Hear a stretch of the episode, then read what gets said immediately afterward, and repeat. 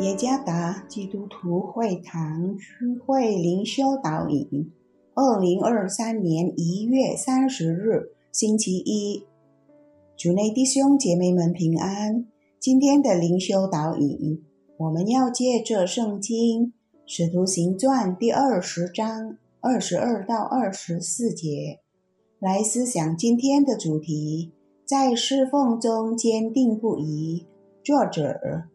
郑彦辉传道，《使徒行传》二十章二十二到二十四节。现在我往耶路撒冷去，心甚迫切。原文作心被捆绑，不知道在哪里要遇见什么事，但知道圣灵在各城里向我指证，说有捆锁与患难等待我。我却不以性命为念，也不看为宝贵。只要行完我的路程，成就我从主耶稣所领受的职事，证明神恩惠的福音。一七八零年五月十九日，发生一件奇特的事：漆黑的黑暗，可能来自火烧森林的黑烟和浓雾。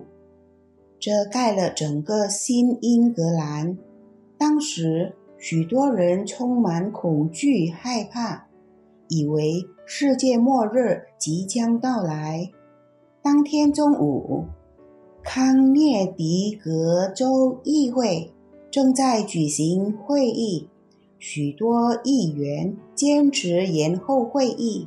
然而，其中一位成员亚伯拉罕。达文波特却对他的同事说：“可能今天审判日已经到来，也可能还没有到来。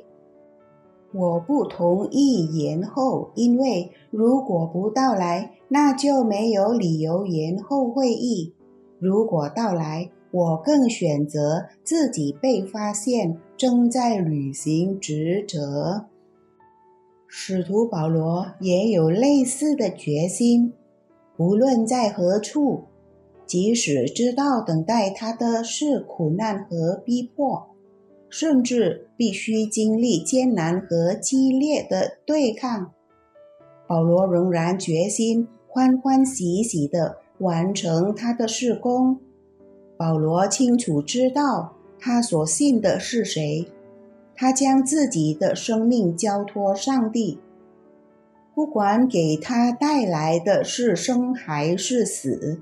对保罗来说，最重要的并不是保全自己的性命，而是能完成上帝所托付他的侍奉。无论任务在哪里结束，即使必须牺牲自己的生命。他也会与喜乐和祷告来完成他的侍奉，祈愿无论是生是死，总教基督在我身上照常显大。参看腓立比书第一章二十节。对保罗来说，为基督而活，侍奉他，好比一场竞赛。